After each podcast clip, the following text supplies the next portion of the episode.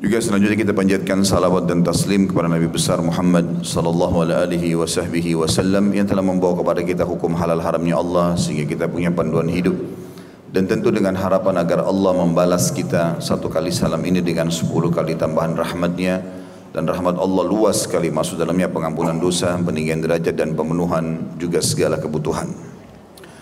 Melanjutkan bahasan atau bedah buku kita pada mufrad yang tulis oleh Imam Bukhari rahimahullah dan sekarang kita masuk ke pasal atau bab yang ke-100.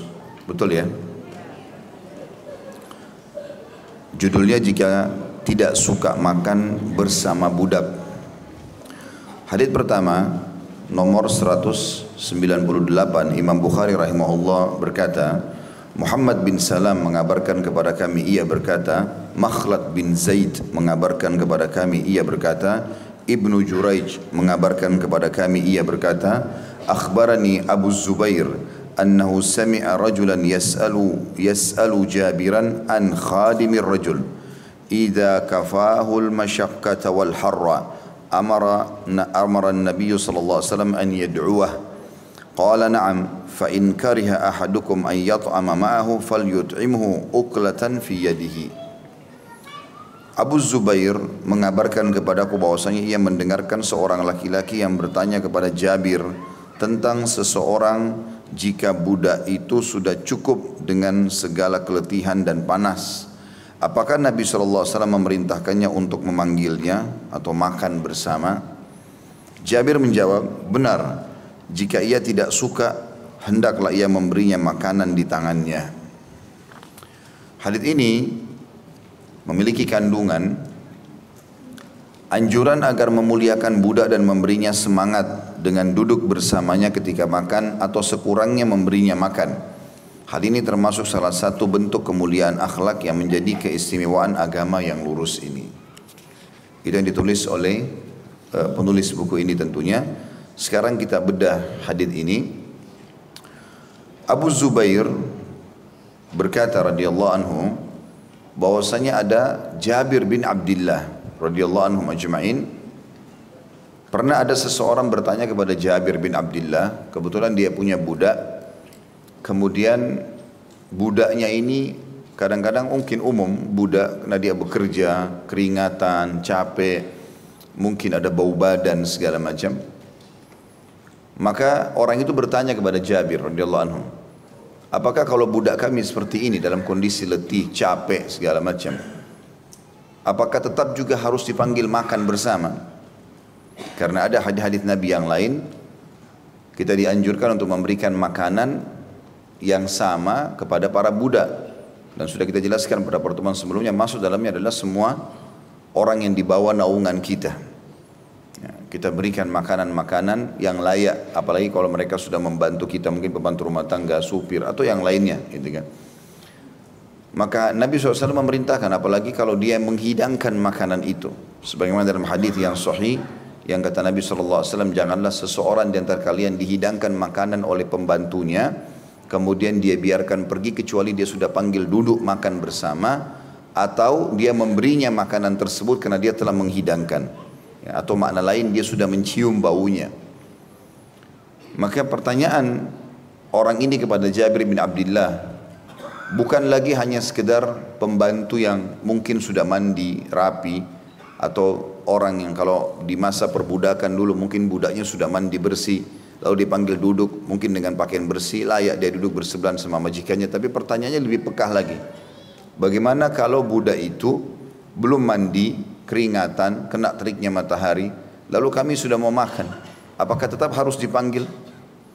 Maka Jabir menjawab dengan kalimat mulia, iya, jika ia tidak suka kalau si majikannya duduk bersamanya, maka paling tidak ia memberikan makan di tangannya. Artinya dia sendiri yang mengambil porsinya, majikan ini pilih yang terbaik lalu dia berikan kepada budaknya atau pembantunya untuk makan di tempat lain. Hadis ini memberikan pelajaran penting buat kita. Bagaimana seseorang itu yang Allah amanahkan harta dan kedudukan untuknya, dia tidak gunakan untuk kesombongan. Bagaimana dia gunakan justru pada saat itu untuk berbagi. Ramadan seperti ini memberikan pelajaran buat kita. Di pagi hari begini atau siang hari kita haus, kita lapar supaya dapat pelajaran. Ya, bahwasanya ada orang di luar sana yang seperti ini. Kita hanya dari subuh sampai maghrib saja. Ada orang mungkin tidak kenal makanan dari pagi sampai malam. Sering kali kita lihat subhanallah di depan mata, orang-orang mengorek-orek tempat sampah untuk cari makanan. Saya kadang-kadang kalau melihat orang seperti ini sudah tidak tega, nggak tahu harus bicara apa lagi. Ya, mana orang-orang yang di sekitarnya membiarkan mereka mengorek-orek sampah atau pakaiannya kotor, mampir pun untuk menanyakan kabarnya atau memberikan sesuatu, apa saja yang dia bisa, juga berat. Maka kira-kira mereka makan dari mana orang seperti ini? Maka ini hadis ini memberikan pelajaran penting, ada beberapa penting pelajaran tentunya. Yang pertama adalah menghilangkan sifat sombong dari seseorang yang Allah amanahkan kepadanya harta, jabatan, kelebihan fisik, kelebihan kulit, kelebihan paras wajah. Ini bukan untuk digunakan bersombong-sombong. Ya, makanya Nabi SAW mengatakan siapa yang dalam hatinya ada sifat kesombongan seperti biji sawi saja maka dia tidak akan mencium bau surga. Justru kita gunakan untuk merendah, tersenyum, menjama orang. Nabi SAW adalah orang yang paling tampan. Badannya kekar, kulitnya putih bersih, wangi selalu. Tapi beliau menyalami para budak. Ya, beliau berbicara dengan mereka, beliau duduk sama mereka. Abu Bakar al-Anhu punya budak yang tiap hari bekerja untuk cari kehidupannya. Lalu Abu Bakar titip pesan sama dia, kalau kau dapat hasil, belilah sesuatu dari hasilmu, lalu Abu Bakar duduk makan bersama-sama. Ya. Begitu juga dengan sahabat-sahabat Nabi yang lain. Maka hadis ini memberikan pelajaran kepada kita tentang harusnya seseorang yang diberikan amanah harta ataupun kelebihan fisik tadi para wajah tidak menggunakannya dalam kesombongan. Ya, justru dia gunakan itu sebagai tanda syukur kepada Allah dia tidak dicoba seperti orang lain maka dia merendah dan bergabung dengan mereka. Yang kedua dari hadis ini diambil pelajaran besarnya pahala dan janji Allah subhanahu wa ta'ala kepada orang yang memberi makan. Jadi memberi makan secara khusus ini adalah keutamaannya. Sebagaimana dalam hadis riwayat muslim pernah ada uh, sahabat yang bertanya mengatakan ya Rasulullah ayu islamin khair perbuatan apa dalam Islam setelah hal yang wajib itu paling besar pahalanya. Maka beliau bersabda sallallahu alaihi wasallam tut'imu ta'am wa tusallimu ala man ta'rif wa man lam ta'rif. Engkau memberikan makan orang dan engkau mengucapkan salam kepada orang yang kau kenal dan kau tidak kenal. Memberi makan ini keutamaan tersendiri. Allah Subhanahu wa taala memerintahkan kita selalu berbagi makanan. Dan ini adalah hal yang paling ringan yang mudah dilakukan. Walaupun kita tidak punya uang banyak, kita bisa memberikan makan kepada orang-orang. Terutama sekarang seperti buka puasa ya, pahalanya sangat besar. Yang kata Nabi sallallahu alaihi wasallam, "Man fattara sha'iman kana lahu mithlu ajri sha'imin min ghairi an yanqusu min ajri sha'imin syai'a." Siapa yang membuka puasa kan orang yang buka orang yang puasa dia akan dapat pahala yang lengkap seperti orang yang puasa itu. Kalau satu hari Orang itu baca Al-Quran, sholat lima waktu, apa saja ibadah yang dia kerjakan satu paket dengan puasanya. Maka orang yang membuka puasa kan akan dapat pahala itu. Kemudian mungkin ada bapak ibu yang bertanya, kan tidak semua orang bisa buka puasain orang. Kalau yang kita bayangkan makanan lengkap, itu pun makanan lengkap, Alhamdulillah nasi campur pun atau makanan lengkap pun cuma 20-30 ribu rupiah. Tapi kalau ada orang mengatakan itu pernah ada sahabat bertanya, mengatakan ya Rasulullah, tidak semua orang mampu memberikan makan karena yang dibayangkan adalah kambing satu ekor utuh atau apa yang memberikan kepada orang lain. Maka Nabi SAW mengatakan pahala itu akan Allah berikan kepada siapa pun yang membuka puasakan orang walaupun hanya susu yang dicampur air. Jadi kalau susu dicampur air tinggal warna nggak ada rasanya. Tapi kalau itu saja kamu punya cuma segelas susu kecil di gelas kecil kamu mau berbagi sama temanmu di sebelah supaya dapat pahala buka puasa dia maka dicampur air pun bisa kamu dapatkan. Atau sebutir kurma atau seteguk air. Dan siapa yang memberikan seteguk air kepada orang yang berbuka puasa maka dia akan dapat pahala itu. Dikatakan Nabi SAW sampai memberikan seteguk air bagi orang yang berbuka puasa maka dia akan diberikan seteguk air dari telagaku pada hari kiamat yang membuat dia tidak akan pernah haus sampai masuk ke dalam surga Termasuk bagian daripada bahasan kita, yaitu memberikan makan dan minum. Cuma memang bertepatan di Ramadan, ini sangat besar pahalanya. Ya, sangat besar pahalanya. Jangan sia-siakan. masjid ini kalau ada bapak ibu tinggal di sekitar sini atau masjid-masjid yang lain musola umumnya masya Allah di Indonesia semuanya uh, apa namanya menyiapkan buka puasa maka air mineral satu dus isi 48 harganya cuma 20 ribu saya bahkan lihat kemarin ada 18 ribu isi 48 gelas berarti kalau kita sumbang satu dus satu hari saja 18 ribu atau 20 ribu rupiah ada berarti hari itu kita punya 49 pahala puasa kita satu dan 48 yang lainnya. Kenapa kita nggak lakukan ini? Sangat mudah, gitu kan? Kalaupun misalnya tidak bisa satu dus, kena 18 ribu misalnya dia tidak punya uang, satu gelas 500 rupiah, 1000 rupiah. Kalaupun tidak bisa, masuk ke masjid. Bantu marbot menata buka puasa itu. Menata saja, itu juga sudah bisa. Kalau tidak bisa masih ada solusi lain. Tapi kalau tidak mau ini harus dicambuk. Ya. Karena ini nggak ada modal uang, energi juga kecil sekali. Kalau sudah dulu di masjid mau buka puasa, maka cuma pindahkan gelas kita ke teman di sebelah. Yang sudah dihidangkan oleh marbot, ini ya, ambil pahala buka puasa saya, saya ambil pahala buka puasa kamu. Cuma begini modalnya. Hah? Dapat pahala. Ini kalau nggak mau cambuk udah.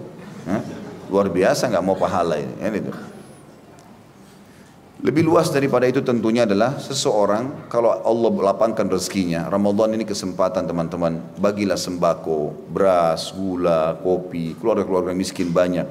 Mereka sekeluarga juga ingin puasa. Ya. Berikan mereka makanan supaya mereka pakai buka puasa, pakai sahur. Itu sangat bagus ya. Memberikan makan kepada orang ini sangat baik dan besar pahalanya. Selama dia makan dan minum akhirnya dia dapat energi dan apa pun aktivitas positifnya kita akan panen pahalanya. Ini juga diambil dari hadis ini tentunya ya. Bagaimana kita memberikan makanan kepada orang lain ya. Terutama di sini didahulukan orang-orang terdekat. Ya, orang-orang terdekat. Dan kita lihat di situ ada potongan hadis ya. Ada potongan kalimat dalam hadis dikatakan lihat bahasa Arabnya ya. Bagian hadis yang paling terakhir sekali. Fa in kariha ahadukum ay yat'ama ma'ahu falyut'imhu uklatan fi yadihi. Garis bawahi kalimat uklatan udah lihat belum? Lihat di sebelahnya di halaman sebelah halaman 212 makna uklah lihat gak ya. Ada tulisan uklah sesuap makanan dan alasan memberi sesuap makanan adalah untuk menanggulangi dan menahan beban panas dan asap ketika memasak. Maknanya ukla adalah kalau kau tidak punya kecuali hanya sesuap saja, tetap kau bagi kepada orang. Makanya Uwais Al-Qarni rahimahullah salah satu ulama tabi'in yang Nabi SAW mengatakan afdal tabi'in adalah Uwais salah satu cirinya dia adalah selalu memberikan makan setiap hari tidak pernah luput harus ada orang yang diberi makan sama dia Walaupun dia sendiri orang miskin, dia pungut makanan-makanan sisa orang, dibersihkan, yang masih layak itu dipanasin, ditata rapi, baru dibagi dua dikasih lagi kepada orang-orang miskin. Abdullah bin Umar dan Umar tidak pernah berhenti berbagi makanan ini, walaupun hanya dia punya satu butir bawang setiap harinya. Maka ini termasuk pelajaran yang harus diambil ya, pelajaran tersebut. Juga ada sebuah hikmah yang bagus yang kita pelajari juga dalam masalah ini adalah hadis Nabi SAW ma wudi'a ta'amun illa wada Allahu bihi illa wada Allahu fihi barakah. Tidak ada makanan yang diletakkan, diniatkan untuk diletakkan kecuali Allah letakkan padanya berkah. Makna Allah letakkan berkah kata sebagian ulama hadis adalah makanan itu kalau sudah dihidangkan kita niatkan untuk orang lain untuk, untuk diri kita misal sepotong roti, maka akan ada bagian dari roti itu yang akan menjadi bagian tubuh kita. Dia tidak akan jadi kotoran. Gitu. Dan ini berarti menandakan selama ada di tubuh seseorang yang makan, berarti akan terus akan jadi amal jariah bagi orang tersebut. Seperti misalnya, saya sekarang ceramah di sini, ibu saya insya Allah, Allah yarham sudah meninggal tentu beliau, itu panen pahalanya. Karena saya tumbuh dari asi beliau pada saat kecil ya kan? bagian tubuh yang komposisi, komposisi tubuh. Begitu juga dengan ayah. Ya, semoga Allah jaga beliau masih hidup insya Allah dan uh, beliau akan panen pahalanya karena walaupun beliau tidak tahu mungkin saya lagi ceramah tapi beliau akan panen pahala karena saya tumbuh dari nafkah beliau ya dan seterusnya maka ini juga termasuk poin yang mesti kita fahami apa pun yang kita kasih kepada orang maka itu ada titik atau bagian daripada makanan tersebut dan jadi berkah makanya Nabi SAW juga ingatkan termasuk adab dalam makan kalau kalian makan mulailah dari pinggiran makanan itu dan jangan dari tengahnya karena kemungkinan besar Allah letakkan berkahnya di tengahnya ya. Biasa kalau ada orang makan roti, makan roti biasa dicuil dari tengah langsung. Padahal sebenarnya sunnahnya makan dari pinggirnya. Begitu juga dengan makanan. Kita makan nasi misalnya satu piring, maka makan dari pinggirnya, terakhir baru kita selesaikan dari tengah-tengahnya. Memang sudah begitu penyampaian Nabi alaihi salatu wassalam. Selanjutnya nomor 101 memberi makan budak dari apa yang dimakan majikannya. Hadisnya di sini juga cuma satu hadis, nomor 199 Imam Bukhari berkata rahimahullah, Abdullah bin Maslamah mengabarkan kepada kami, ia berkata, Marwan bin Muawiyah mengabarkan kepada kami, Anil Fadl bin Mubashir, qal, Sami'tu Jabir bin Abdullah yakul, Kana Nabi sallallahu alaihi wasallam yusi bil mamlukina khaira, wa yakul, At'imuhum mimma ta'kulun, wa albisuhum min, uh, min labusikum, wa la tu'adzibu khalqallahi azza wa jal. Dari Al-Fadl bin Mubashir, Beliau berkata, aku mendengarkan Jabir bin Abdullah radhiyallahu anhu Jabir dan Abdullah ayahnya dan dia adalah sahabat. Maka kita bilang radhiyallahu anhu ia berkata, Nabi SAW berwasiat agar para budak diperlakukan dengan baik. Beliau bersabda, perlakuan baik itu seperti apa di antaranya? Berilah mereka makan dari apa yang kalian makan dan berilah mereka pakaian dari apa yang kalian pakai dan janganlah kalian menyiksa ciptaan Allah yang maha suci dan maha pemurah. Hadis ini ditulis tentunya penjelasan hadis telah lewat di halaman nomor 188. Tapi kita tekankan kembali bahwasanya hadis-hadis ini termasuk dengan hadis sebelumnya adanya penekanan agar setiap muslim peduli dengan masalah memberi makan kepada orang. Ya, sudah kita jelaskan tadi baik memberi makan orang sedang puasa atau orang tidak puasa. Semuanya insya Allah ada pahala tersendiri ya. Apalagi kalau yang kita beri makan itu adalah orang-orang saleh dan salehah, itu sangat luar biasa. Karena waktu-waktu mereka akan dipakai dalam ketaatan kepada Allah Subhanahu wa taala. Ya, makanya Nabi SAW mengatakan la ya'kulu ta'amaka illa taqi wa la yashrabu syarabaka illa taqi.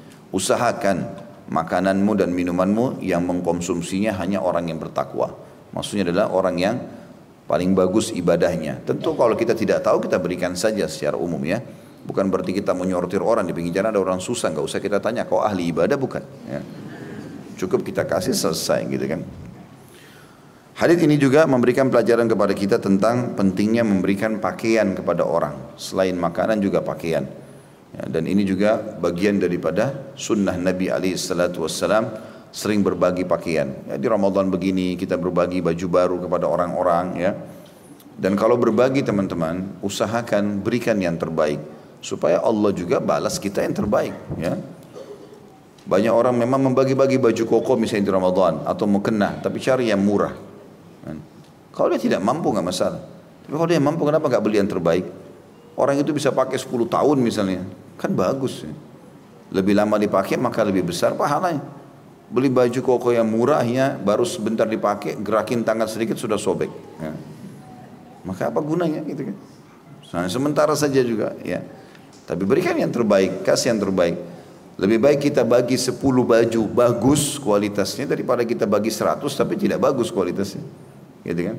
Lebih baik kita berikan makanan yang bagus kualitasnya 10 saja daripada kita bagi 1000 tapi nggak bagus gitu. Mungkin busuk, mungkin rusak, mungkin segala macam, kan gitu. Allah Subhanahu wa taala membalas kita sesuai dengan niat kita. Maka berilah yang terbaik, Allah juga akan memberikan yang baik. Dalam surah Ar-Rahman Allah mengatakan hal jazaul ihsani illa al-ihsan. Balasan kebaikan itu juga akan datang kebaikan yang serupa. Artinya makin baik kita beri, makin baik juga balasan dari Allah Subhanahu wa taala. Jadi kita memberikan makan dan memberikan minum ini ditekankan uh, dalam hadis ini dan yang terakhir pesan Nabi SAW dari hadis ini adalah dan jangan kalian menyiksa makhluk Allah atau hamba-hamba Allah. Masuk dalam makna menyiksa adalah membebankan pekerjaan di atas kemampuannya. Ada orang sebagaimana sering saya singgung dari awal-awal bab kita ini teman-teman sekalian. Mentang-mentang dia bayar pembantunya, pembantu sampai nggak ada waktu untuk istirahat. Semuanya harus, mentang-mentang sudah bayar. Berapa dibayar sama dia? 2 juta? 3 juta? Harus orang bekerja 24 jam? Nggak boleh zalim. Ada batas waktu di mana dia bekerja. 8 jam misalnya. Orang normal penelitian 8 jam per hari gitu kan. Tapi kadang-kadang subhanallah pembantu rumah tangga tidak kenal waktu. Kapan dibutuhkan gitu kan.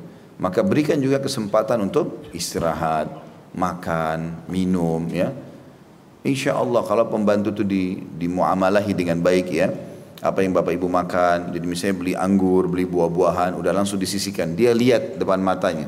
Bukan bekas kita yang kita sudah tidak mau makan, disisipkan buat dia.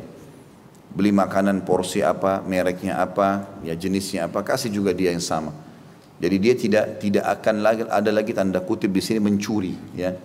Karena biasanya pembantu rumah tangga akhirnya karena majikannya beli makanan enak-enak, tidak pernah diizinkan makan, maka dia tunggu majikannya pergi ataupun lagi e, tidur misalnya, maka dia buka kulkas dan makan makanan tersebut. Maka ini akhirnya membuka pintu itu karena tidak ada e, perbuatan baik dan muamalah yang baik kepada mereka. Baik, itu pelajaran penting yang kita ambil dari hadis ini ada tiga peringatan Nabi SAW memberikan makan dan ini keutamanya besar kemudian memberikan pakaian ini juga keutamanya besar dan juga tidak boleh menyiksa orang-orang. Ya, jangan karena kita kasih gaji lalu tidak kenal waktu. Ingat teman-teman kalau keadaan ekonomi mereka seperti kita mereka tidak akan jadi bekerja seperti itu. Ya, tentu dia juga akan menikmati. Kalau misalnya di keadaannya dia tidak tidak seperti keadaan dia sekarang gitu kan? Artinya dia kaya, tidak mungkin jadi pembantu kalau orang kaya misalnya. Dia mampu nggak mungkin dia jadi supir gitu kan? Kita berikan uh, apa namanya kebaikan-kebaikan kepada mereka. Sama teman-teman yang pakai tenaga supir di, di mobil ya beli makanan beli minuman. Kadang-kadang dia sekeluarga makan dengan lahapnya di belakang supirnya cium baunya ya. Biarin tidak peduli. Supir biarin aja. Nanti mampir aja di warung kopi mas makan misalnya. Padahal dia makan makanan yang enak. Apa susahnya tambah satu porsi? Ya? kasih ke dia. Ini termasuk menyiksa adalah membuat dia tidak nyaman. Kan itu. Memaksakan di atas kemampuannya atau membuat dia melihat sesuatu yang mungkin dia bisa diberi tapi tidak dan seterusnya lah hal-hal seperti ini semua harus masuk dalam adab sebagai atau seorang muslim.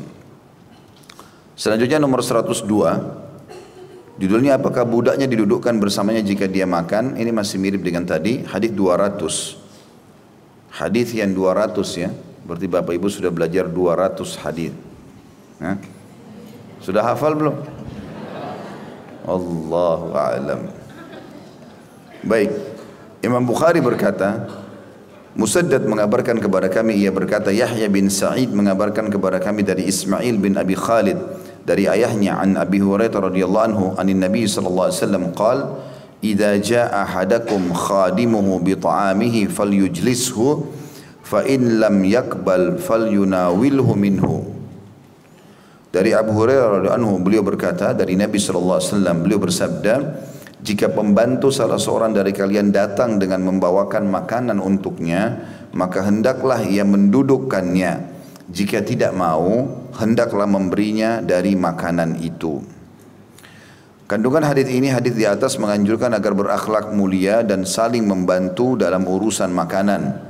Terlebih atau berlebih terlebih kepada orang yang ia pekerjakan karena hal tersebut akan membesarkan hatinya. Hukum perbuatan tersebut sangat dianjurkan. Kita bedah hadis ini, potongannya adalah faida jaa ahaduk ahadakum khadimuhu bi ta'amihi. Kalau salah seorang di antara kalian dilayani oleh pembantunya, pelayanan apa saja ya, maka semestinya dia menilai pelayanan itu ya. Sekarang mungkin dengan penilaian kasih gaji misalnya, kita tentukan gajinya ya. Atau mungkin kalau kita Allah SWT berikan rezeki lebih, kita berikan dia bonus misalnya ya. Di sini secara khusus masalah makanan, dikasih contoh Nabi SAW makanan. Maka kalau dia bawakan makanan, perintah Nabi pakai fi'lul amr sini fal yujlishu. Dia harus panggil duduk bersama makan. Jadi ini sabda Nabi SAW, perintah fal yujlishu ini kata perintah. Maka suruh dia duduk bersama. Kalau pembantu itu nolak, ya, kalau pembantu itu nolak, barulah ya, dia diberikan dari makanan tadi. Berarti yang kita harus dahulukan ajak makan bersama, baru kemudian diberikan dia bawa kalau dia tidak mau. Jadi bukan langsung diambil kasih dulu dia, silakan makan di tempat lain misalnya, enggak. Yang paling pertama panggil dia makan bersama. Kalau dia nolak, dia enggak enak, dia risih, baru kemudian kita Ya, minta atau kasih dia makanan supaya dia pergi. Ya. Maka ini perintah mulia dan sekali lagi mengajarkan kepada kita untuk menghilangkan sifat sombong dan akhirnya kita merendah dan tawaduk tentunya ya merendah dan tawaduk merendah karena Allah Subhanahu wa taala sebagaimana Nabi SAW bersabda dalam sebuah hadis man tawadha lillah siapa yang bertawaduk merendah karena Allah Allah pasti akan tinggikan derajatnya jadi sekali lagi kelebihan fisik, kelebihan paras wajah, warna kulit, harta jangan membuat kita sampai sombong ya. Justru ini semua perintah-perintah seperti ini agar sifat sombong itu hilang dari seseorang. Itu di, di situ diberikan juga atau kalimat dikatakan fa lam yakbal kalau dia tidak mau. Jadi bukan kitanya yang tidak mau dalam hadis ini, tapi pembantu itu yang tidak mau. Dipanggil duduk, tidak mau duduk bersama. Ya udah, fal yunawilhu. Ini juga perintah di sini. Maka haruslah dia memberikan makanan kepadanya. Kalau dia sudah nolak. Ya. Jadi ada dua perintah, disuruh duduk dulu, kalau tidak mau baru kemudian dikasih makanan. Masih pasal yang sama, hadis selanjutnya 201, Imam Bukhari berkata, Bishir bin Muhammad mengabarkan kepada kami, ia berkata, Abdullah mengabarkan kepada kami, ia berkata, Abu Yunus Al-Basri mengabarkan kepada kami an Ibn Abi Mulaika qal qala Abu Mahdhurah kuntu jalisan 'inda Umar radhiyallahu anhu إذ جاء صفوان بن أمية بجفنة يحملها نفر في عباءة فوضعوها بين يدي عمر فدعا فدعا عمر ناسا مساكين وأرقاء من أرقاء الناس حوله فأكلوا معه ثم قال عند ذلك فعل فعل, فعل الله بكوم فعل الله بكوم أو قال لح الله قوما يرغبون عن أركائهم أن يأكلوا معهم فقال صفوان أما والله ما نرغب عنهم ولكن نستأثر عليهم لا نجد والله من الطعام الطيب na'kuluhu wa nut'imuhum. Terjemahnya hadis ini adalah dari Ibnu Abi Mulaikah ia berkata Abu Manzurah mengatakan aku pernah duduk bersama Umar radhiyallahu anhu maksudnya Umar bin Khattab radhiyallahu anhu. Tiba-tiba Safwan bin Umayyah datang dengan cawan besar yang dibawa oleh budaknya. Kemudian diletakkanlah di hadapan Umar.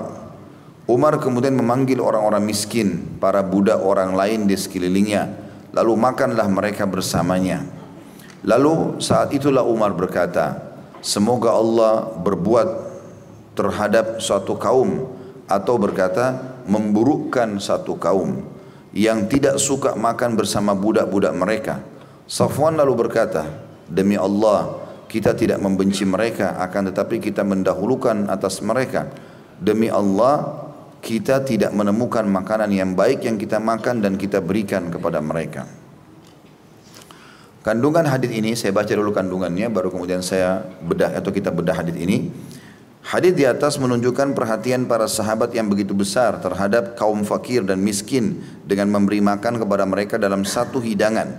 Hadis ini juga menunjukkan kebencian dan kemurkaan para sahabat kepada orang yang tidak memenuhi kebutuhan orang yang mengalami kesulitan. Kita akan bedah hadis ini. Potongan pertama adalah dikatakan Ibnu Abi Mulaika berkata, Abu Mandura berkata, aku pernah duduk di sisi Umar bin Khattab. Berarti menandakan uh, ini di kisah zaman khilafahnya Umar radhiyallahu anhu. Jadi setelah Nabi SAW meninggal, tersebutkanlah riwayat ini tentunya. Dan ini bagian daripada sunnah. Kalau ada perbuatan Nabi Shallallahu Alaihi Wasallam dan juga sahabat mengerjakannya, maka itu dikenal dengan sunnah. Kalau kita istilahkan hadis, hadis itu khusus Nabi Shallallahu Alaihi Wasallam saja. Tidak bisa perkataan Umar kita bilang hadis Umar atau Abu Bakar, tapi kita bisa bilang sunnah. Kalau sunnah masuk perbuatan Nabi SAW dan perbuatan para sahabat, terutama khulafa Rashidin, Abu Bakar, Umar, Uthman, Ali diambil daripada hadis Irbad. Ya, hadis yang masyhur hadis Irbad radhiyallahu anhu beliau mengatakan Nabi SAW bersabda berpeganglah kalian pada sunnahku kata Nabi SAW dan sunnah ada kalimat sunnah di sini khulafa rasyidin setelahku. Abu Bakar, Umar, Uthman, Ali radhiyallahu anhu dan berpegang teguhlah pada sunnah-sunnah itu contoh-contoh dari aku dan contoh-contoh dari khulafa rasyidin ini maksudnya para sahabatku walaupun kalian harus pegang dengan gigi geraham kalian. Maka hadis ini sangat mulia menunjukkan kepada kita bahwasanya memang sunnah itu masuk juga sikap para sahabat makanya perlu teman-teman digaris bawahi banyak orang kalau kita ingatkan kamu kalau ibadah harus kembali kepada Al-Quran dan Sunnah. Hampir seluruh kelompok Islam sekarang menisbatkan diri mereka kepada Sunnah. Kami juga berpegang pada Al-Quran, pada Sunnah Nabi gitu kan. Tetapi mereka tidak menjelaskan Sunnah ini penjabarannya seperti para sahabat bukan. Sehingga Sunnah dia jabarkan sendiri. Padahal sebenarnya Sunnah diambil dari sikap para sahabat. Bagaimana mereka memahami hadis dari Nabi SAW, bagaimana mereka memahami ayat-ayat Al-Quran, maka seperti itulah. Makanya dikatakan memahami Al-Quran dan Sunnah sesuai dengan pemahaman salafil ummah. Salaf ummah ini maksudnya kaum terdahulu dari para sahabat. Karena mereka lebih faham ayat Al-Quran turun, apa sebab turunnya, hadis Nabi sebutkan, kenapa Nabi sebutkan, kasusnya terjadi pada siapa. Jadi harus kembali kepada pemahaman para sahabat. Seperti apa mereka memahaminya. Makanya di sini sikap Umar pun diangkat oleh Imam Bukhari sebagai sebuah panduan dalam hadis ya, atau dalam sunnah ya. Kalau kita bilang hadis berarti khusus Nabi SAW. Tapi kalau sunnah berarti masuk juga para sahabat. Abu Manzura mengatakan aku pernah duduk di sisi Umar satu hari. Kemudian datanglah, ini potongan pertama dari manfaatnya. Potongan selanjutnya, datanglah pada saat itu Safwan bin Umayyah dengan membawa sebuah wadah yang besar berisi makanan yang sangat banyak yang dibawa oleh beberapa orang dari budaknya. Di sini ambil pelajaran juga penting bahwasanya memberi makan kepada orang bagian daripada agama sebagaimana sudah kita jelaskan tadi. Eh, Safwan radhiyallahu anhu membawa makanan untuk Umar radhiyallahu anhu dengan tujuan untuk berbagi makanan. Dan dia membawa makanan ini kepada Umar di zaman Umar jadi khalifah, dihidangkan di hadapan Umar bin Khattab sebagai bentuk penghormatan kepada Umar dan juga sebagai bentuk memberi makan saudara muslim. Di sini diambil pelajaran bolehnya bahkan dianjurkan memberi makan kepada orang walaupun orang itu mampu. Seperti misalnya orang tua kita kaya, boleh kita bawa makanan kepada mereka. Teman-teman kita di kantor semuanya, orang punya kerjaan, punya gaji, kita traktir mereka. Jadi tidak harus orang miskin. Tapi kalau ada orang miskin bertemu keadaannya dengan orang kaya, kita dahulukan orang miskin.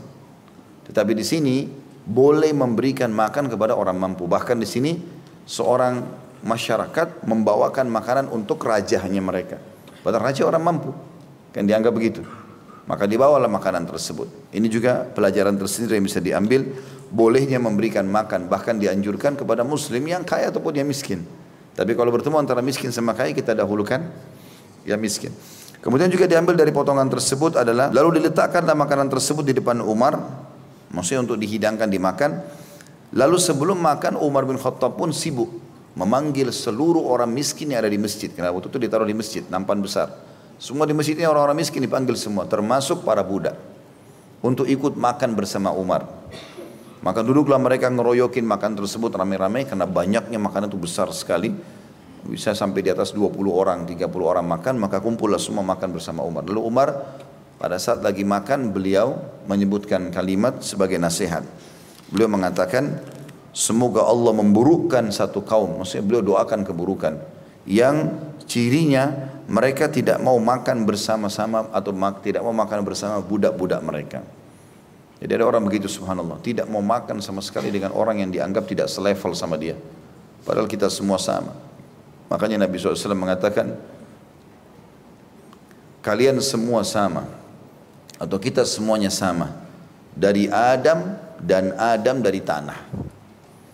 Kebetulan saja jenjang ekonominya lebih bagus, kebetulan saja Allah kasih paras wajahnya lebih tampan dan cantik, mungkin kulitnya lebih bersih, mungkin lebih kekar, mungkin mungkin lebih ada ekonominya, lebih bagus dan segala macam. Tapi bukan berarti itu kesombongan. Sebagaimana kita kita jelaskan hadis-hadis dari tadi awal kita bahas ini semua bersambung ya. Maka tidak boleh digunakan untuk kesombongan, tapi kita gunakan justru untuk kebaikan. Dan Umar bin Khattab mendoakan buruk di sini ada pelajaran penting. Ya, bahwasanya bolehnya orang mendoakan keburukan bagi orang yang melakukan perbuatan jahat. Ya. kalau dianggap perbuatan jahat tersebut memang merusak tatanan sosial. Di sini kenapa kita bilang tatanan sosial? Karena tidak memberi makan orang berarti tidak mau berbagi. Kehidupan sosial akan dikacau semuanya. Kita kan makhluk sosial manusia. Kita tidak bisa hidup sendiri teman-teman. Kita akan butuh kepada orang lain. Coba bayangkan kalau kita apa ataupun dalam keadaan satu satu keadaan semua. Misalnya semua ketika orang kaya, nggak ada orang miskin. Siapa kira-kira mau bersihkan sampah? Hmm?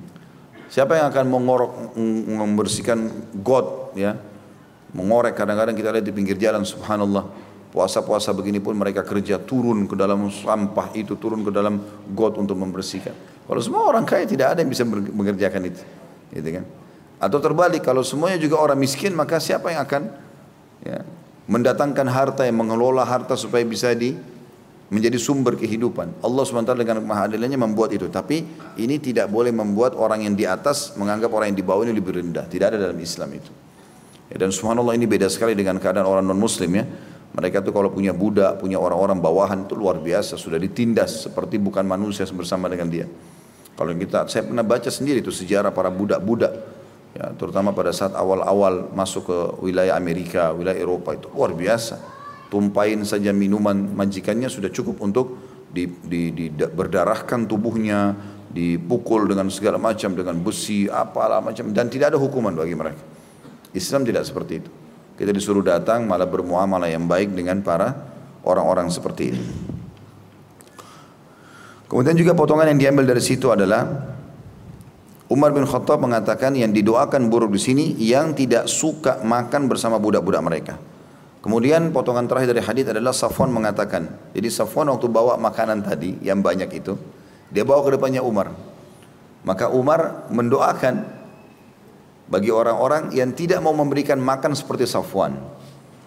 Safwan di sini radhiyallahu anhu untuk me, untuk melepaskan diri dan jangan sampai ada orang di masjid yang salah faham seakan-akan Umar mendoakan Safwan, gitu kan? Karena yang bawa makanan kan Safwan. Jangan sampai doanya Umar ini difahami oleh sebagian orang berarti untuk Safwan. Kenapa Safwan? Kenapa kau nggak kasih makan budak-budakmu, gitu kan? Kenapa kau malah bawa ke saya? Seperti itu kesannya orang bisa fahami, padahal sebenarnya bukan itu. Umar bin Khattab justru berterima kasih pada Safwan. Justru memberikan contoh pada orang-orang, lihat nih Safwan bawa makanan dan lihat saya pun mengajak makan kalian semuanya. Begitu. Ya, tetapi Perkataan Umar bin Khattab pada saat lagi dihidangkan makan bisa orang tanda kutip salah fahami kalau tidak dijelaskan. Karena begitu makan langsung dia mengatakan semoga Allah memburukkan orang-orang yang tidak mau duduk makan dengan budak-budaknya. Orang bisa faham nanti ternyata Safwan seakan-akan tidak mau duduk sama budaknya. Makanya Safwan di akhir hadis menjelaskan masalah itu. Wahai Amir Mukminin, sebagian orang di antara kami bukan tidak mau duduk sama budaknya. Mau duduk tetapi memang betul-betul bahkan ada sebagian kami tidak punya makanan untuk dia makan apalagi dia mau kasih kepada orang lain. Atau dia tidak punya makanan yang layak dimakan yang layak untuk diberikan kepada orang lain. Dia sendiri nggak layak makan apalagi dia mau kasih ke orang lain. Ya di sini juga teman-teman sekalian ya saya ulangi kembali dan saya ingatkan berilah makanan yang terbaik beri makanan yang terbaik beli minuman beri minuman yang terbaik beri pakaian yang terbaik Allah akan balas sesuai dengan kadar niat kita. Ya. Hati-hati dengan makanan yang sudah expire, buang. Jangan kena expire kasih saja. Ada istri membunuh suaminya tapi tidak sadar. Dapat dosa membunuh. Kenapa? Karena kasih makan suami makanan expire. Supaya hemat uang bulanan. Daripada beli sarden baru, ya ini baru dua hari lewat, nggak apa-apa lah. Buatin, suaminya makan keracunan mati. Dapat dosa membunuh. Ya tidak boleh ini. Ini semua tidak boleh. Atau suami sengaja beli sebaliknya supaya adil. Kita jelaskan misalnya kalau dia pergi supermarket dilihat ada barang promo. Tinggal dua hari lagi rusak expire ini aja deh diskon 50% padahal istrinya mau simpan makanan untuk satu bulan dia pulang rumah lupa bilang sama istrinya itu dia tidak bilang ini sudah mau expire loh misalnya Disimpanlah oleh istri, ditaruh berapa hari, istri sama anak makan, keracunan, mati. Ya, suami dapat dosa membunuh. Maka tidak boleh ini. Expire, expire tidak boleh. Para pedagang harus bertakwa kepada Allah Subhanahu wa taala. Ya. Kami pernah saya kami pernah temukan di toko saya pernah ada beberapa makanan sudah rusak. Ada sebagian teman-teman pegawai yang bilang, "Ustaz, ini gimana?" Saya bilang buang semuanya. Tidak boleh sama sekali. Jangan karena kita merasa rugi ya sudah, takdirnya Allah begitu. Jangan sampai orang konsumsi kemudian jadi sakit, ya. Itu sudah resiko. Urwa bin Zubair rahimahullah, eh, maaf, eh, ini kisahnya Ibnu Sirin, Muhammad bin Sirin rahimahullah. Beliau pernah beli madu satu gentong besar utang. Satu gentong besar dia utang. Madunya kualitasnya sangat bagus. Satu gentong besar akan tutupnya. Rupanya dia waktu tutup toko malam-malam dia transaksi hari ini. Malamnya dia tutup toko, dia lupa tutup gentongnya madu itu. Besok pagi dia buka tokonya di atas, di dalam madu itu dalam gentong bagian atas ada tikus. Mati sudah mati di atas madunya. Madunya gentongnya besar, diangkat oleh beberapa orang. Mungkin bisa 100 kiloan madu itu besar sekali. Ma ada tikus jatuh satu, mati di situ. Nggak bisa keluar karena dia kayak melekatkan sama madu itu. Maka Ibnu Sirin begitu lihat rahimahullah. Beliau suruh beberapa pegawainya, angkat ini, gentong ini, angkat. Ibnu Sirin ini perlu Bapak Ibu tahu, dia punya toko di satu pasar di Irak. Kalau, uh, kalau orang lihat Ibnu Sirin beli, itu seperti fatwa bagi mereka. Oh berarti boleh kita beli. Bahkan mereka berharap barang-barang di toko itu Ibnu Sirin yang beli baru mereka belanja dari Ibnu Sirin. Maka waktu madu ini dibeli karena sudah menjelang sore kemarin, orang-orang di pasar nunggu Ibnu Sirin mau jual nggak nih? Kalau jual mereka beli. Rupanya malamnya masuk tikus. Besok pagi-pagi baru buka toko Ibnu Sirin suruh pegawainya dipikul. Mau dibawa ke mana nih? Ibnu Sirin diam saja. Orang-orang pikir kok Ibnu Sirin mau jual di luar pasar nih. Banyak yang ikut. Ternyata pergi ke belakang pasar ada sungai. Ibnu Sirin suruh tuang semua itu madu. Semuanya dituang ke sungai. Satu gentong besar, harganya mahal ini dibuang. Maka orang-orang pada tanya, wahai Ibnu Sirin, kenapa anda buang gentong itu? Madu, kan bisa kami beli. Dia bilang semalam saya lupa tutup, ada tikus mati. Apa kata orang-orang pasar? Perhatikan ya, kepekaan di sini. Orang pasar, ini maksudnya Ibnu Sirin nanti yang peka. Orang-orang pasar ini pekanya tapi salah. Ya, cuma Ibnu Sirin nanti yang lebih peka dalam menjelaskan masalah hukum. Mereka bilang, kan tikus kecil di madu, ini bukan susu kan gitu. Kalau susu mungkin bisa semuanya kena bakterinya ya. Kata mereka, cabut tikusnya, buang sedikit madunya, jual setelah itu.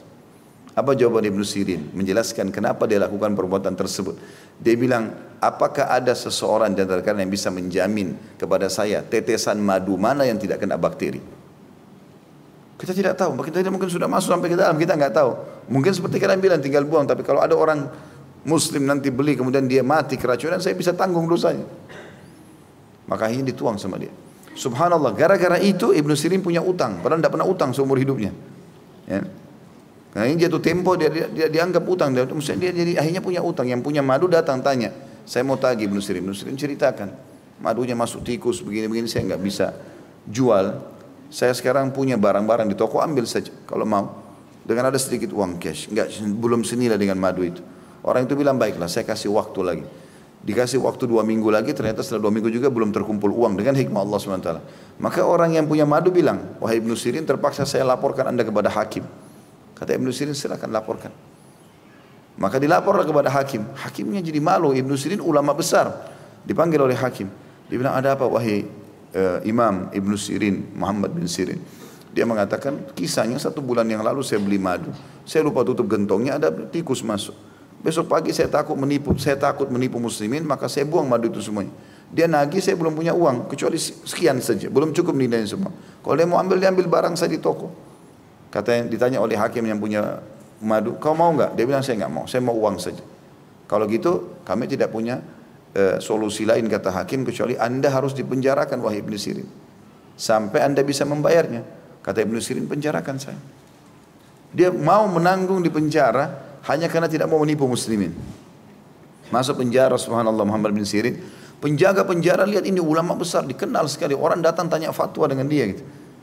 Maka penjaga penjara mengatakan wahai Muhammad bin Sirin saya saya berkuasa di penjara ini. Maka saya mengeluarkan izin buat Anda, Anda boleh di penjara ini pagi sampai sore, habis itu Anda pulang ke rumah Anda. Saya percaya Anda tidak akan lari. Besok pagi datang lagi masuk penjara. Apa kata Ibn Sirin? Saya tidak akan dukung Anda untuk durhaka pada pemerintah. Nggak bisa. Saya akan di sini sampai Allah berikan jalan keluar. Terus sebar berita satu Irak waktu itu Muhammad bin Sirin yang membuang madunya karena tikus dan tidak mau men, uh, apa, menipu muslimin. Maka umat Islam pada saat itu nyumbang semua. Nyumbang untuk Ibnu Sirin. Sumbangannya itu subhanallah lunas madu itu dan sisa uang yang dia dapat dari hibah umat Islam bisa beli 10 gentong lagi. Allah balas langsung. Begitu mereka bermuamalah. Jadi nggak boleh sembarangan ini.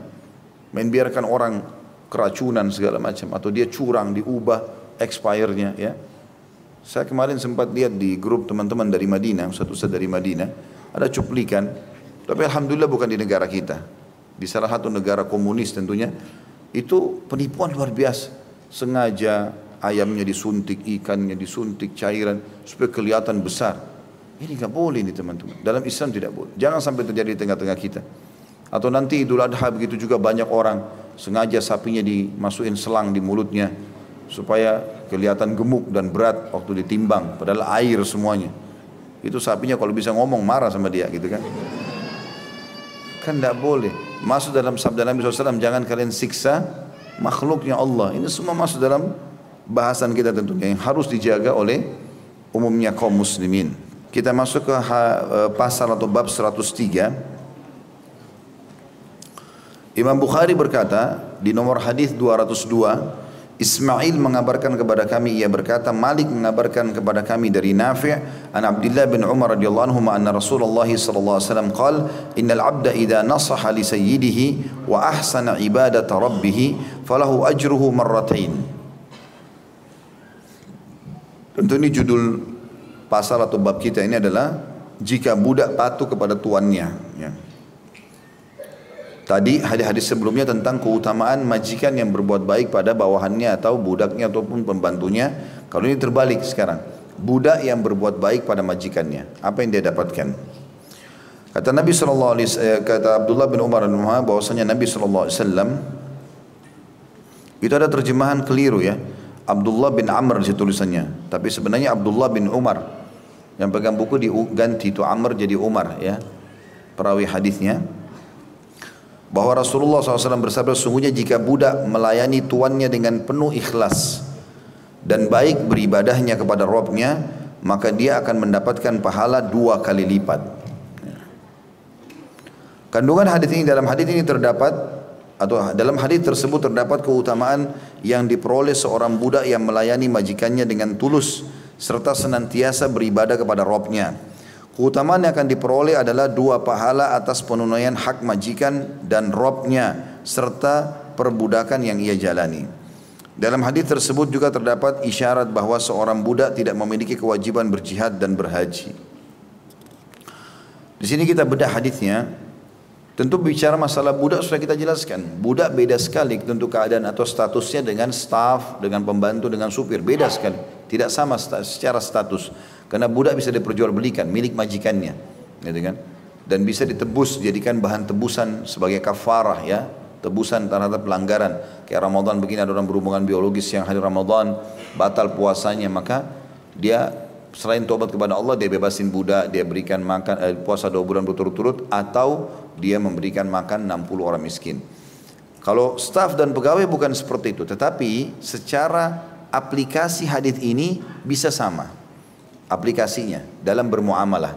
Di sini kan dikatakan kalau seorang budak itu berbuat baik pada majikannya, jadi dia dibeli oleh majikannya di pasar perbudakan, kemudian dia berbuat baik sebagai majikannya, dia patuh, dia lakukan apa yang diperintahkan selama bukan maksiat kepada Allah, dan juga dia beribadah baik kepada Tuhannya, sholatnya dijaga, puasanya dijaga segala macam, maka dia dapat double pahala. Jadi kalau umumnya orang dapat misalnya satu pahala dia dapat dua pahala. Orang dapat sepuluh pahala dia dapat dua puluh pahala.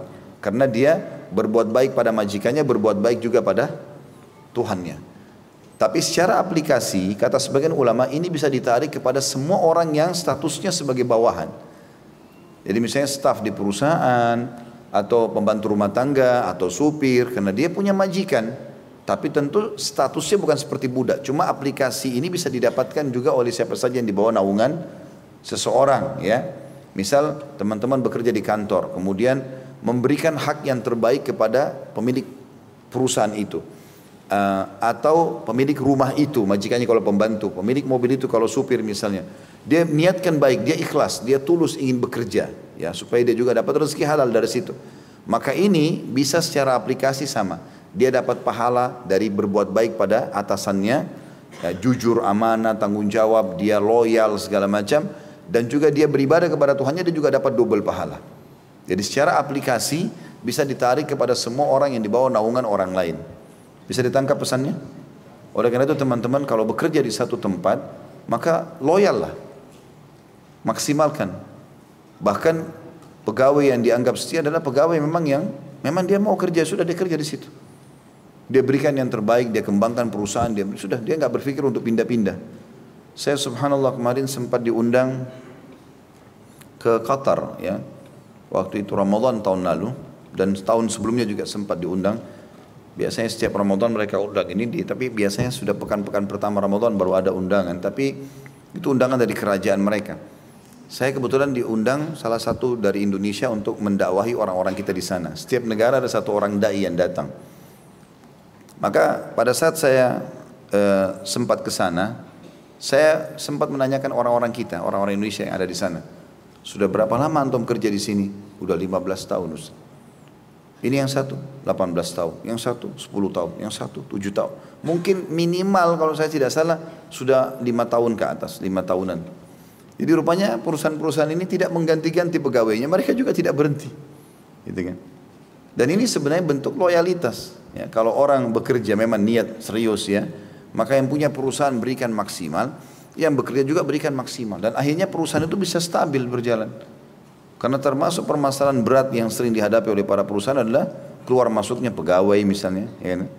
karena orang memang bekerjanya dari awal bukan niat untuk mencari pahala, tapi dia niatnya dari awal untuk mencoba-coba saja. Tidak cocok sini, pindah sana, pindah sini, pindah sana, pindah sini. Ini bahaya kalau dibiasakan menjadi sebuah sifat ini. Maka dalam rumah tangga juga begitu. Sehingga ada masalah cerai, ganti lagi, cerai, ganti lagi. Sedikit ada mobil motor ah, tergores sedikit ganti lagi. Semua ganti. Ini bagaimana ganti-ganti? Maka itu juga bisa diambil dari pelajaran hadis ini tentunya. Bahwasanya seseorang itu secara aplikasi kalau dia memang bekerja oleh kepada orang lain maka loyalitasnya kalau dia ikhlaskan bisa nilai pahala sendiri ya walaupun secara status tadi saya bilang beda antara staf pembantu rumah tangga dan juga supir dengan budak secara status ya. Tetapi secara aplikasi pahala bisa ditemukan sama di sini. Hadis selanjutnya nomor 203 Imam Bukhari berkata rahimahullah Muhammad bin Salam mengabarkan kepada kami ia berkata Al-Maharibi mengabarkan kepada kami ia berkata haddatsana Salih bin Yah eh, haddatsana Salih Salih bin Hayy qala qala rajulun li Amir bin Sya'bi ya.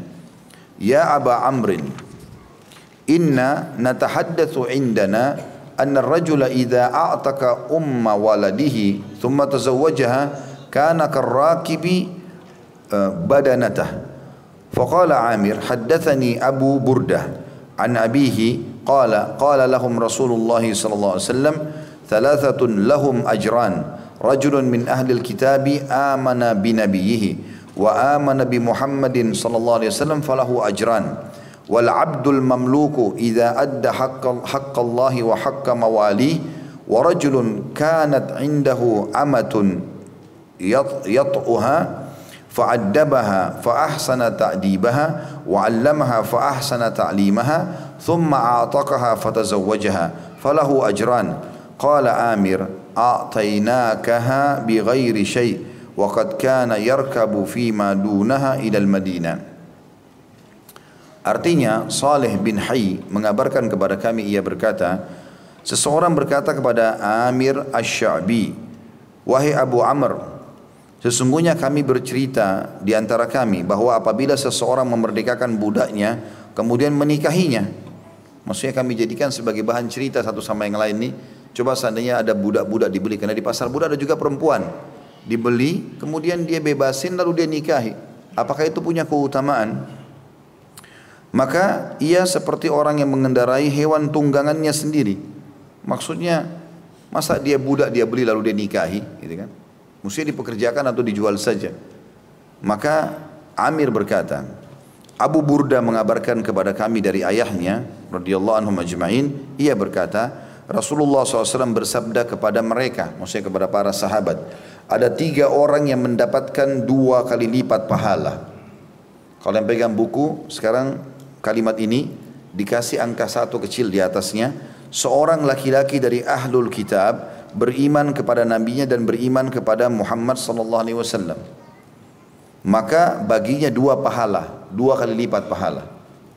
Ini di garis bawahi semuanya sepanjang itu sampai dua kali lipat dua kali lipat pahala dikasih angka kecil satu. Maksudnya ini golongan yang pertama yang mendapatkan double pahala. Kemudian yang kedua, ini di garis bawahi juga tapi dikasih angka dua nanti dan hamba sahaya apabila memenuhi hak tuannya dan hak robnya. Sampai situ hak robnya garis bawahi sampai di situ kemudian dikasih angka dua kecil ini golongan kedua Kemudian yang ketiga, serta seorang laki-laki yang memiliki budak wanita yang ia setubui kemudian mendidiknya dan menyempurnakan pendidiknya lalu e, pendidikannya lalu mengajarinya serta menyempurnakan pengajarannya. Kemudian ia memerdekakan dan menikahinya, maka baginya dua pahala. Ini di garis bawahi angka tiga. Amir Amir mengatakan, kami memberi kami memberikannya kepadamu tanpa imbalan apa pun dan ia pergi tanpanya menuju ke Madinah. Kita baca dulu uh, kandungan hadisnya. Yang pertama, pelipat gandaan pahala bagi seorang mukmin yang dulunya ahli kitab, juga seorang budak jika menunaikan hak Allah dan majikannya, serta bagi seseorang yang berbuat baik dan mendidik budak wanitanya kemudian ia membebaskan dan menikahinya. Yang kedua, penetapan riwayat yang mengatakan bahwa para salaf melakukan perjalanan jauh dalam rangka mencari sebuah hadis atau membahas sebuah permasalahan. Baik kita akan bedah hadis ini dan ini kita tutup tentunya karena sudah jam 10 lewat. Uh, hadis ini teman-teman sekalian bisa dibagi menjadi beberapa bagian. Yang pertama adalah yang diambil pelajaran bolehnya berdiskusi urusan agama. Tetapi tentu diskusi ini dengan tujuan mencari kebenaran. Karena perawi hadis ini menceritakan berkata tadi kami sedang membicarakan bahwasanya bagaimana bisa terjadi seorang laki-laki di antara kami punya budak wanita lalu dia nikahi. Itu sama saja dia menunggangi hewan tunggangannya sendiri. Maksudnya sesuatu yang dia beli lalu dia nikahi kenapa? Kenapa dia nggak nikah sama wanita bebas? Gitu kan? Mereka lagi diskusi tentang masalah itu. Ya, ini boleh nggak ya? Lalu mereka menanyakan kepada orang yang ahli di bidangnya. Dan dalam riwayat ini dijelaskan mereka jalan cukup jauh untuk menemui Siapa yang kira-kira punya hadis dari Nabi Shallallahu Alaihi Wasallam yang menginformasikan masalah itu? Berarti pelajaran pertama dari hadis ini boleh kita mendiskusikan masalah agama. Misal lagi bulan Ramadan begini, teman-teman lagi duduk di kantor, lagi di di di mana lah di sebuah tempat, di rumah, lalu diskusi. Kira-kira orang kalau tidak sengaja minum batal nggak sih? Misalnya atau orang tidak sengaja makan batal nggak? Lagi diskusi kita tidak tahu hukumnya. Maka boleh saja, tapi kita ingin mencari kebenaran. Lalu tanyakan kepada ahlinya. Itu poin penting. Kalau di buku ini ditulis itu sebagai poin yang kedua dalam kandungan hadis ya. Penetapan riwayat yang menyatakan bahwa para salaf melakukan perjalanan jauh dalam rangka mencari sebuah hadis dan membahas sebuah permasalahan. Jadi mereka mencari siapa ahlinya lalu mereka membicarakan masalah itu. Dan ini penting. Tetapi ingat kita hanya boleh bertanya kepada ahlinya saja. Karena Allah mengatakan dalam Al-Quran, A'udzubillahi minasyaitonir fas'alu ahla dzikri in kuntum la ta'lamun. Tanyalah kepada orang-orang yang faham dari para ulama kalau kalian belum memahaminya. Ya, jangan diskusi lalu ngambil kesimpulan ya. Saya pernah punya pengalaman naik kereta api waktu dari Jakarta ke Surabaya. Ini kisah mungkin waktu saya masih mahasiswa, sekitar 15 17 tahun yang lalu. Kemudian eh, di kereta api itu saya sempat malam tidak bisa istirahat Waktu itu belum bisa saya cari mana kantinnya. Saya ke kantin kereta api itu ada kantin untuk beli sedikit makanan. Rupanya di satu meja ada tiga orang duduk. Ada satu perempuan tidak pakai hijab, yang duanya laki-laki di sebelahnya. Entah mereka ini siapa, berteman atau apa saya tidak tahu. Tapi waktu itu saya beli makanan, saya tidak bisa bawa ke tempat lain, saya harus duduk di situ untuk menyelesaikan makanan itu. Sementara saya duduk mungkin hitungan cuma 5-10 menit ya. Saya dengarkan mereka sedang diskusikan sholat tahajud. Ya. Tapi dalam pikiran saya, perempuannya nggak pakai hijab, mana mereka tiga-tiganya semuanya merokok, kemudian juga tidak sholat tahajud. Lalu mereka diskusi masalah sholat tahajud. Tapi oke okay lah diskusinya. Diambil sebuah kesimpulan saya pada saat saya mau pergi. Di antara mereka ada yang bicara, harus kamu sholat begini nih. Harus kamu begini. Jadi kita sudah mengambil sebuah kesimpulan hukum. Padahal kelihatannya mereka tidak faham dari pembicaraannya ya. Kalau orang kalau faham, oh itu bisa karena Rasulullah bersabda begini. Ini enggak ada. Ada orang subhanallah kalau cuma sekedar diskusi kemudian mau cari solusi ini yang kita bahas. Tapi ada orang enggak diskusi lalu mereka sok pintar keluarlah sebuah fatwa di majelis yang tidak cocok ini, gitu kan? Ini kan? Dan menjadi sebuah hukum bahaya kan? Nanti akan diamalkan. Nah ini yang keliru ini. Ya. Maka harusnya tentu difahami poin ini. Jadi kita boleh itu pelajaran pertama dari hadis kita diskusikan tapi kita kembalikan kepada ahlinya. Kemudian kita masuk ke inti bahasannya. Hadis ini membahas tentang adanya tiga golongan yang mendapatkan double pahala. Yang pertama disebutkan adalah ahli kitab. Siapa ahli kitab itu? Al-Quran menyebutkan ya, tentang ahli kitab ini. Mereka adalah Yahudi dan Nasrani. Dikatakan ahli kitab karena Yahudi beriman pada kitab Taurat dan Nasrani beriman kepada kitab Injil. Maka dikatakan ahli kitab, gitu kan? Dan ahli kitab punya hukum sendiri dengan kita. Dalam surah Al-Maidah dijelaskan surah nomor 5 ayat 5 tentang bolehnya laki-laki muslim menikah dengan wanita ahli kitab. Jadi laki-laki muslim boleh nikah sama perempuan walaupun bukan muslimah tapi syaratnya Yahudiyah atau Nasraniyah. Walaupun mereka dalam agama mereka. Ada hukum sendiri, tapi nggak berlaku pada wanita lain. Tidak boleh pada orang wanita Hindu, Buddha, ateis nggak boleh. Hanya boleh ahli kitab. Yahudi atau Nasrani, gitu kan? Dan ini hanya berlaku laki-laki Muslim kepada perempuannya mereka. Tidak berlaku sebaliknya. Enggak boleh wanita muslimah nikah sama laki-laki ahli kitab. Karena ini ada ayat Al-Quran yang melarang masalah itu. Ya. Yang jelas teman-teman ini hukum tersendiri, ada hukum sendiri. Kita juga boleh makan sembelihan ahli kitab. Masih lanjutan ayat Al-Ma'idah surah nomor 5 ayat 5 itu. Sembelihan mereka boleh. Karena Allah SWT mengatakan dan makanan kalian halal buat mereka Makanan mereka halal buat kalian. Kata Ibnu Abbas sembelihan mereka. Kalau Yahudi sama Nasrani, kita masuk ke restoran, yang punya restoran Nasrani atau Yahudi. Dan dia jual ayam, kita baca bismillah makan. Tapi nggak berlaku pada orang Hindu, Buddha, nggak boleh. Penyebab-penyebab berhala ini nggak boleh. Hanya mereka saja. Dia ada hukum sendiri ya. Nah, tapi bukan itu jadi bahasan kita. Ahli kitab, kalau ada Nasrani atau Yahudi, di zaman kita sekarang pun ini, kalau dia tekuni agamanya, kemudian dia dapat hidayah masuk Islam, ini dapat double pahala. Karena dianggap dia beriman pada Nabi Isa, dia juga beriman pada Nabi Muhammad SAW. Beda dengan kita yang lahir sudah dalam keadaan Islam, ya. Berarti dia seperti hidup di dua masa Nabi. Makanya dalam hadis ini disebutkan masalah itu ya. Yang pertama adalah seorang laki-laki dari ahli kita beriman kepada nabinya, ya, dan beriman kepada Muhammad sallallahu alaihi wasallam. Maksudnya nabinya dia, kalau Nasrani Nabi Isa, kalau Yahudi Nabi Musa. Lalu kemudian beriman pada Nabi Muhammad SAW berarti seperti beriman di dua masa kenabian. Makanya dapat double pahala. Ya. Kemudian yang kedua, dari tiga golongan ini, tentu ini pelajaran yang ketiga dari hadis. Karena pelajaran pertama tadi boleh mendiskusikan ilmu tapi kembalikan kepada ahlinya. Pelajaran kedua dari hadis adalah ahli kitab. Siapa mereka ahli kitab itu? Yahudi Nasrani dan beberapa hukum berhubungan sama mereka dan mereka itu akan mendapatkan pahala double kalau masuk Islam. Pelajaran ketiga dari hadis ya, adalah seorang budak yang tadi kita bahas, dia memberikan hak majikannya, kemudian dia memberikan hak Tuhannya. Maka ini juga dapat double pahala. Karena memberikan hak majikan perintah Allah Subhanahu wa taala. Dia loyal dengan majikannya. Tadi saya bilang secara status budak sama pegawai beda, tapi secara aplikasi hukum sama. Seorang pegawai pun di kantor, pembantu rumah tangga ataupun supir bisa mendapatkan aplikasi daripada hadis ini ya. Karena mereka kalau tulus dengan uh, tempat dia uh, mengikat akad dengan majikannya atau pemilik perusahaannya maka dia baik dan dia baik juga dengan Tuhannya maka dapat double pahala juga. Yang terakhir potongan hadis ini atau ini adalah manfaat yang keempat diambil hadisnya adalah yang jadi saksi bahasan kita. Karena ini yang sedang didiskusikan oleh orang-orang tadi. Kira-kira masuk akal nggak sih orang beli budak wanita di pasar? Biasanya kalau budak wanita, maaf ini keadaannya memang seperti itu. Keadaan mereka di pasar itu kotor, mereka nggak mandi, mereka segala macam. Perempuan di budak-budak seperti laki-lakinya juga tidak terurus karena mereka tidak punya harta, diperjualbelikan di pasar, gitu kan? Kadang-kadang mungkin ada luka badannya segala macam. Maka bagi mereka aneh kalau ada yang nikahi budaknya.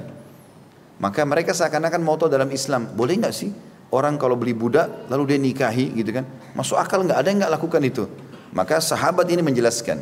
Nabi Muhammad SAW bersabda, siapa yang memiliki budak wanita, kemudian dia beli, dia didik, ya, dia berikan makanannya, berikan pakaiannya, dirawatlah budak wanita tersebut diberikan yang terbaik.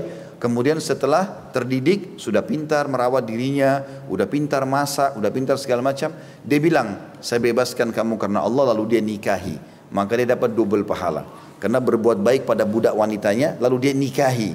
Maka ini mendapatkan double pahala maka ini juga berarti menandakan Islam menyuruh kita justru membebaskan orang Bukan malah membiarkan dia dalam keterbudakan. Karena selalu Allah perintahkan tahrirul raqabah bebasin budak ya. Fakku raqabah bebasin budak selalu begitu. Dan bagi orang yang membeli budak wanita, bagi laki-laki kemudian dia bebaskan karena Allah, dia didik dengan baik. Karena di sini ada kalimat penting ya, bukan hanya sekedar dibebasin lalu dinikahi begitu saja. Memang dididik dengan baik sehingga dia layak menjadi istri nantinya. Dia sudah tahu tugas-tugasnya menjadi istri, kemudian dibebaskan baru dinikahi. Maka ini baru mendapatkan double pahala.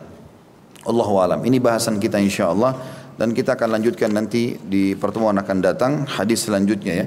Karena sekali lagi mohon maaf memang batasan kita hanya 10-15 saja. Akan ada acara lain di masjid ini. Dan mudah-mudahan insya Allah bisa diambil pelajaran. Bagi yang punya pertanyaan bisa dikumpulkan uh, saja. Insya Allah kami depan, depan kita masih ada uh, satu kali pertemuan lagi ya. Insya Allah.